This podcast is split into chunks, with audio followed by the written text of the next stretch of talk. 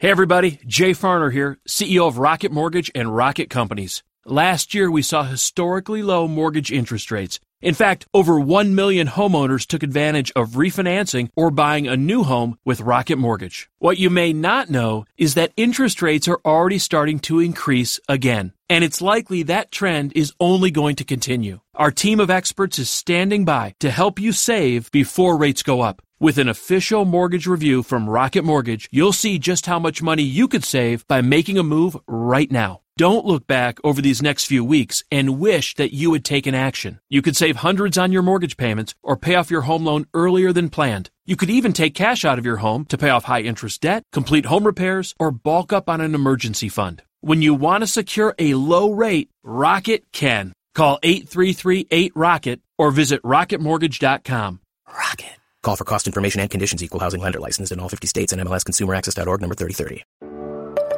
This is what matters most, and I'm Matt Popovits. Look, life is crazier than ever, and lots of people, maybe even you, are feeling anxious and overwhelmed. Today's message is designed to help you figure out what's most important and to experience the peace and joy that God intends for you. Because life is a gift, and it shouldn't be wasted on worry. I'd like to give you a resource, something to help you navigate the road ahead.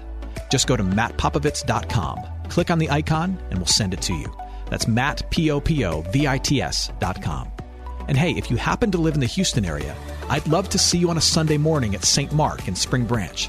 Head to stmarkhouston.org to plan your visit. Here's today's message. Thanks for listening. Relationships 2018. Good, bad, or eh?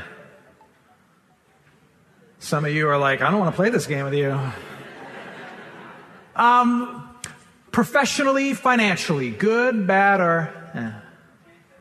Okay, some some ehs in the crowd. Okay, you're honest at least. That's good. Um, what about spiritually? Uh, did you grow or, or, or did you get stuck this year? Think about it. What about your New Year's resolutions from last year? Did you make any of them? Did you keep any of them? I mean, if you kept even one of your New Year's resolutions, know that that puts you in rarefied air. That's pretty amazing. Most studies tell you that 90 to like 92% of New Year's resolutions fail. Statistically, you're more likely to get into Juilliard to become a ballerina than you are to make good on your New Year's resolutions. Did you know that? Oh, perhaps at the end of 2018, as you reflected on the year gone by, it all just felt really familiar.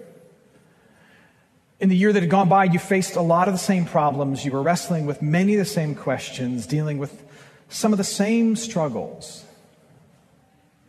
The, the, reason I ask this is because as we enter into a new year, chances are that you are entering into this new year with, with hope and expectation, which is a good thing. And you're hoping this year will be substantively, beautifully different than last year.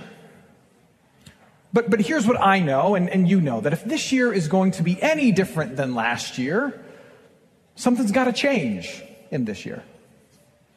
And if in the year ahead you are to be, and I, I hope this is what your aim for the year ahead actually is, if in the year ahead your aim is to be walking in God's will for your life, then I think there are, there are certain questions you have to wrestle with so that this year will be substantively different than last year, and so that you can confidently say, no matter what happens in the year to come, you are, to the best of your ability, by the power of God's Spirit, walking in His will. And so, in this series, we're going to look at four questions that I think before you make plans for the year, you should first stop and wrestle with these four questions. Four questions that come from the scriptures, that are pulled from things we hear Jesus Himself saying. And the first question is this in this first Sunday of the new year Where are you headed? At the end of 2019, where do you want to be? Uh, but let's expand that question a little bit. Let's think deep. At the end of your life, way down the road, where, where do you want to be? Where are you headed? Uh, believe it or not, you are following a map in the year ahead. I mean, your whole life you've been following a map. Every single one of us is. It may be a map that you inherited from your relatives, from your family of origin, as much as you hate to admit it. Uh, it could be a map that you are following from your peers and people you respect. You're kind of imitating it from the culture around you. Or it could be a map because you are so independent that you have worked hard to invent yourself. But don't be fooled. Everyone is following a map through their life that has them heading somewhere. You may be running on autopilot in the background and you don't even realize it.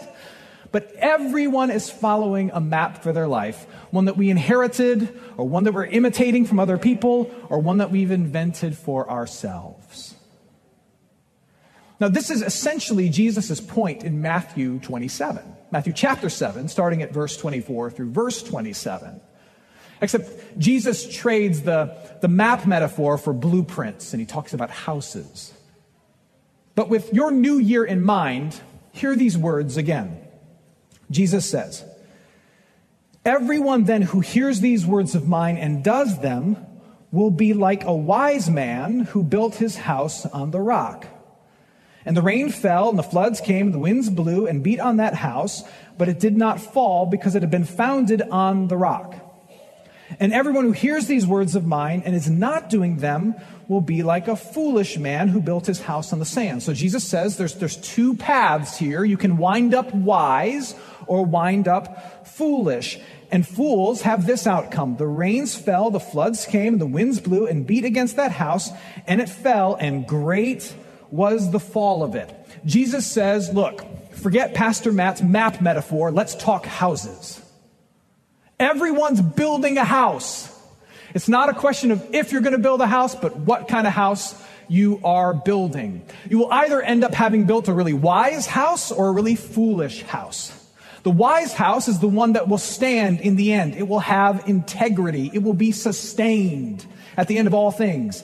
The fool's house will fall down in the end. Don't be a fool. End up in the wise position. That's what Jesus says. Jesus says you're either heading towards wisdom or foolishness with the kind of house that you build. To jump back into my metaphor, you're either headed towards wisdom or foolishness based on the map that you are following. So where are you headed? What are you building? That's the big question that Jesus asks. And Jesus goes so far as to say, look, unless you build your house or craft your map based on my teachings, there's only one outcome for you. If you fail to build your house or guide your map based on my teachings, I know exactly what's going to happen to you. I can see the path and where it's headed. I can predict the future. You will end up at the end of the year or at the end of your life realizing, I've been a fool. It's all fallen down. It's fallen through my hands.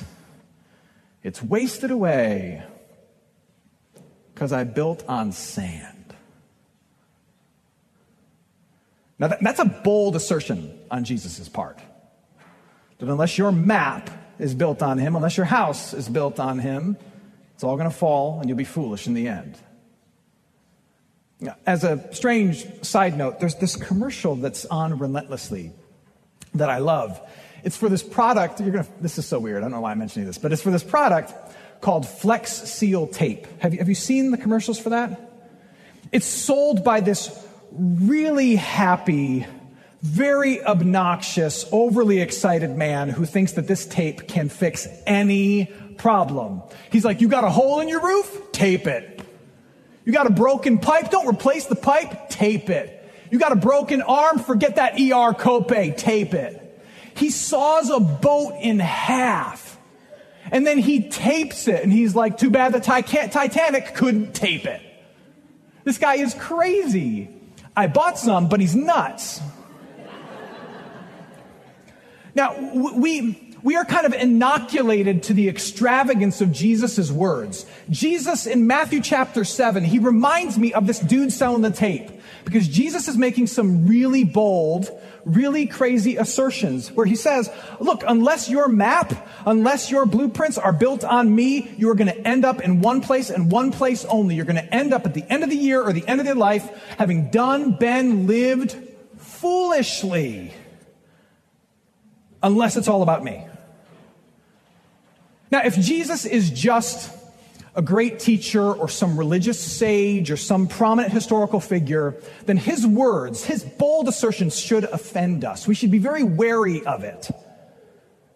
Uh, it, is, it is arrogant. It is dismissive of other worldviews. It, it requires far more allegiance than any, any faulty human being should ever be given.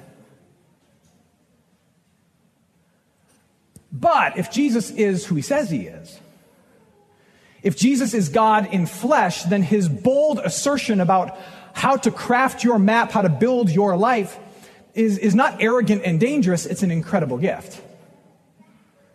Because if he is God in flesh, then it's God showing up in our world, in our space, in our time, giving us the answers to the test, handing us the, the blueprint of all blueprints, walking up to us and being like, here, hand me your phone.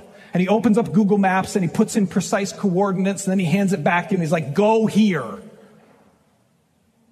It's a gift.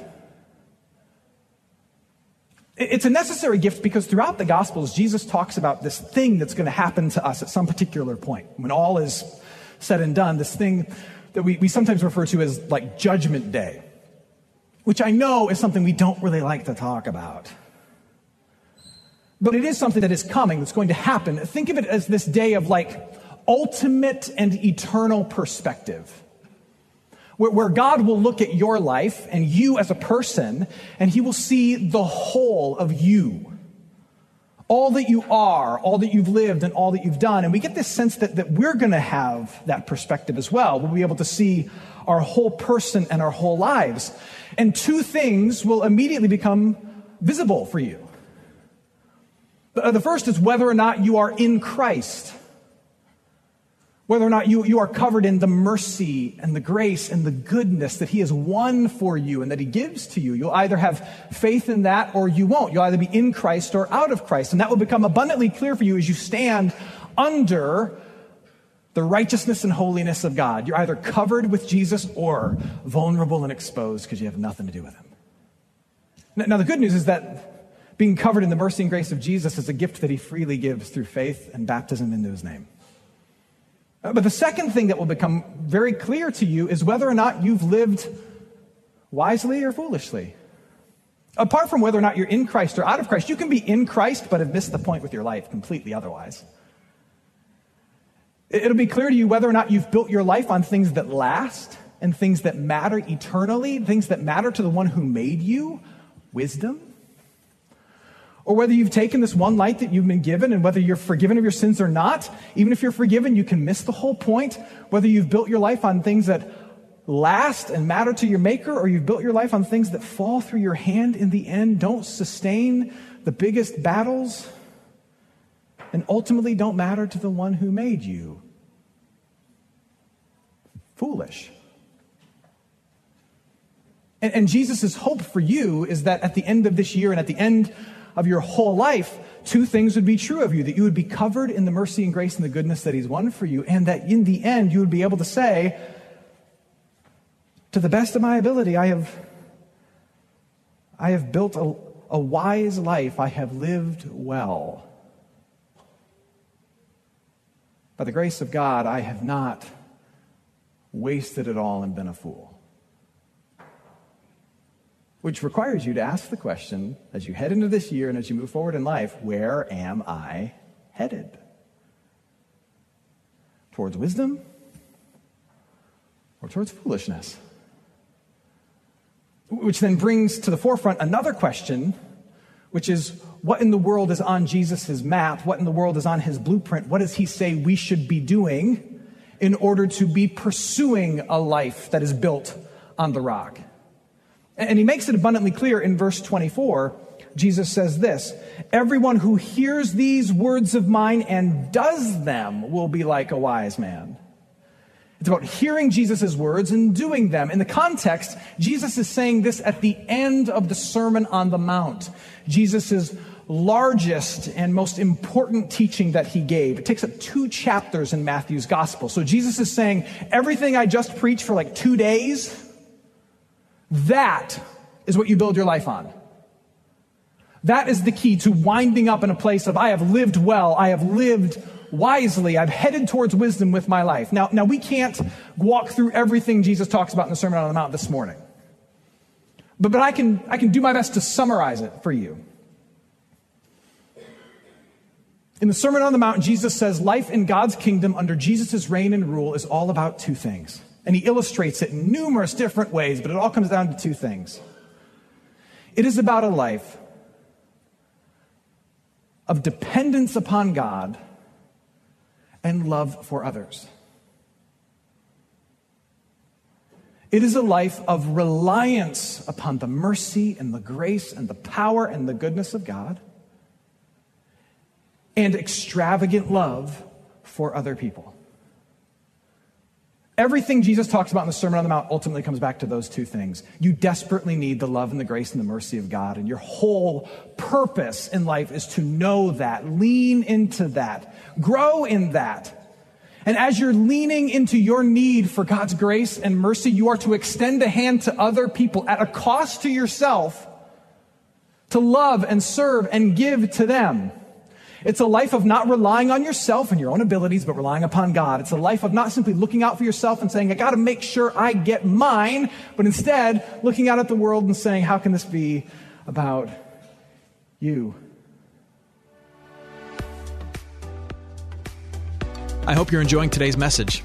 For more of what matters most, you can head to mattpopovits.com. There you'll find other messages. You can support this ministry as well as access your free gift. Oh, and if you're looking for a local church and you live in Houston, come and see what's happening at St. Mark Houston. To plan your visit, head to stmarkhouston.org. Thanks for listening, and back to today's message. And your challenge in 2019 as a follower of Jesus Christ, when you want to ask the question, where am I headed? Am I headed towards wisdom? Your challenge is to keep those two truths in front of your eyes, like a lens that you are wearing at all times that colors everything. Deep reliance, extravagant love. Deep reliance, extravagant love. As I try to do my best at work, deep reliance upon the grace of God and extravagant love towards others as I live in my home with my family, deep reliance upon the grace of God for me and extravagant love towards them. As I wrestle with my finances, deep reliance upon the grace of God for me and extravagant love for others. That, that's what it all comes down to. That is how we head towards wisdom. Now, I, I, have to be very clear with you as you keep these things as, as like a lens in front of your eyes. It will lead you to places that make you uncomfortable. It, it will stretch you. Very often, when following Jesus, the, the price of admission to a life of purpose is discomfort. It, it means that in the year ahead, if you if you have a great reliance upon the grace and goodness of God, you're going to spend a lot of time in the year ahead realizing and confessing your weakness and your sin and your habitual hangups and in prayer and in worship and with people you can trust, you're talking about it. You're admitting it. You're confessing it. Doesn't that sound fun? and then you're receiving the grace of Jesus who lived and died for it over and over and over again. It means that you are, you are finding your peace not in what you can do, but constantly pointing yourself back to what's been done for you in Jesus. His life for yours, his death for yours, his resurrection for yours, his place in the Father's family for yours. You're constantly pivoting back to that. The rest of the world, meantime, may not find this view of life attractive, will often find it strange, but Jesus says it's lined with beauty. Uh, the world around you in the year ahead is going to be building up its peace based on its own performance. That's what everybody else is always doing. They're going to build up their own sense of peace by posting their workout videos on Facebook. I don't know why anybody does it, but too many people do. They're going to build up their sense of peace by talking about how they're crushing it this quarter at work. Or they're going to build up their sense of peace by posting this perfectly curated life on Instagram and throughout their Insta stories. And you're going to sit there and go, how do they, why do their kids behave? And why do they always look so good? Because they deleted all the other pictures. That's why. But you, you're going to be pivoting back not to what you do, but what's been done for you in Jesus. You're going to see your weakness, you're going to see your sin, and you're going to pivot back to what's been done for you in Jesus. And then you're going to ask a different question, not what's in it for me, but what's it look like to love them? And that's going to call you to sacrifice and to serve and to stretch yourself. You're going to be called to love people that you don't like, people who have hurt you, people who have deep need that you're tired of trying to meet people who don't have the same hope as you, so you have to like focus on them and try to share your hope that you're barely understanding yourself and share it with them. This is hard, this is difficult, but Jesus says it's beautiful. It will stretch you. But also know this even though you will fail at that, it won't fail you. Even though you will struggle as you're stretched, and many times you will fail, not just at your resolutions, but in this life of depending upon God and loving others, it won't fail you because this whole life is built upon Jesus and what He's done for you. If your whole sense of peace in the year ahead is built on your performance, then the pressure is on and you better be perfect. But the good news of Jesus Christ is that your peace is built on who he is, the life he's lived, the death he's died, the grave that he has risen from. Which means that even if you fall flat on your face in the year ahead, even when the winds come and the rains pour down and you get knocked over, your house is still standing. Why? Because your house is not something you built with your own two hands. Your house is him. Your house, your whole life, your whole hope is Him. And so, even though you get knocked down, you fail in this life of reliance upon God and love for others. Your house still stands because your house is Him. It will stretch you, but it will not fail you. Because it's not about you, it's about Him. So, where are you headed? Are you headed towards wisdom, reliance upon God, love towards others? Are you headed towards foolishness, stuff that doesn't matter, things that are fleeting and that fall through your hands? A few months ago, uh, when my family and I still lived in, in New York City, my, my wife and I witnessed an accident. And I should preface this story by saying that everyone is okay. Surprisingly, miraculously, everyone is okay. But we were driving down this main drag in Queens called Woodhaven Boulevard, and we were heading north, and we were coming up to an intersection, and going east to west was this guy on a bicycle. And he was headed towards an intersection where he had a stop sign, but the cross traffic had a green light. And it's one of those moments where it all kind of happens in slow motion. Even though it took just a matter of seconds, it felt like it took an eternity. And you could see exactly what was going to happen before it happened because you could see the path that the cyclist was on and you could see the path that the cross traffic was on. And you're going, oh no, right? You can predict it. In that moment, I could predict the future because I saw the path of everybody and I knew what was going to happen. And sure enough, this cyclist went straight through that stop sign into the cross traffic and there was this big white box truck barreling down Woodhaven Boulevard and the box truck hit the cyclist and the cyclist went flying. And immediately everybody stopped their cars and got out. And, and, it was kind of amazing, all the people that gathered instantly around this man who'd been hit by this truck. And, and, this, this woman showed up and she's like, I'm a doctor. And she started asking the injured man questions. And this, this, this guy got out and he said, I'm a nurse. And he started tending to his injuries. And I got out, I'm like, I'm a preacher. So I, I took an offering.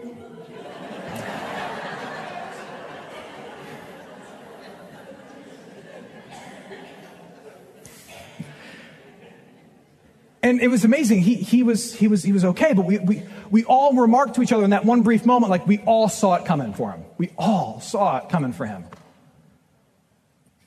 I feel like Jesus, when he tells us this story about wise and foolish builders, when he, when he asks us, what's your blueprint? What's your map? Where are you headed? He, he's like the witnesses to that accident. He can see far off. He can see the path you're on and what you're headed towards. But rather than just let you hit frustration and foolishness at the end of this year or at the end of your life, he's gracious enough and powerful enough to step in and hand you a different map, hand you a different blueprint and say, you get to go in a new direction. You get to build your life on better things that ultimately will be more satisfying for you. growing in your reliance upon God and being stretched in your love for others. It will not fail you. You will be found at the end of the year, at the end of your life, to be wise.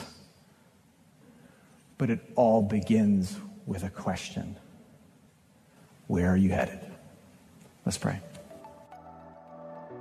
Hey, it's Matt. I hope you enjoyed what matters most. Here's what I need you to know life is a gift, and it shouldn't be wasted on worry.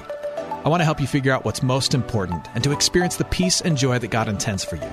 So, for more content, you can head to mattpopovits.com. That's Matt, P O P O V I T S.com. There, you can also support this ministry as well as access your free resource, a little something to help you navigate the road ahead. I'd also love to see you on a Sunday morning. If you're in the Houston area, head to stmarkhouston.org to plan your visit. In the meantime, hit me up on Instagram at mpopovits or at facebook.com slash Matt Popovits Ministries. Thanks for listening. Now go and hold tight to what matters most. Jay Farner here, CEO of Rocket Mortgage and Rocket Companies. Last year, we saw historically low mortgage interest rates. What you may not know is that interest rates are already starting to increase, and it's likely that trend is only going to continue. Our team of experts is standing by to help you save before rates go up. Don't look back and wish that you had taken action. Call 833-8ROCKET or visit rocketmortgage.com. Rocket. Call for cost information and conditions. Equal housing lender licensed in all 50 states and MLSConsumerAccess.org number 3030.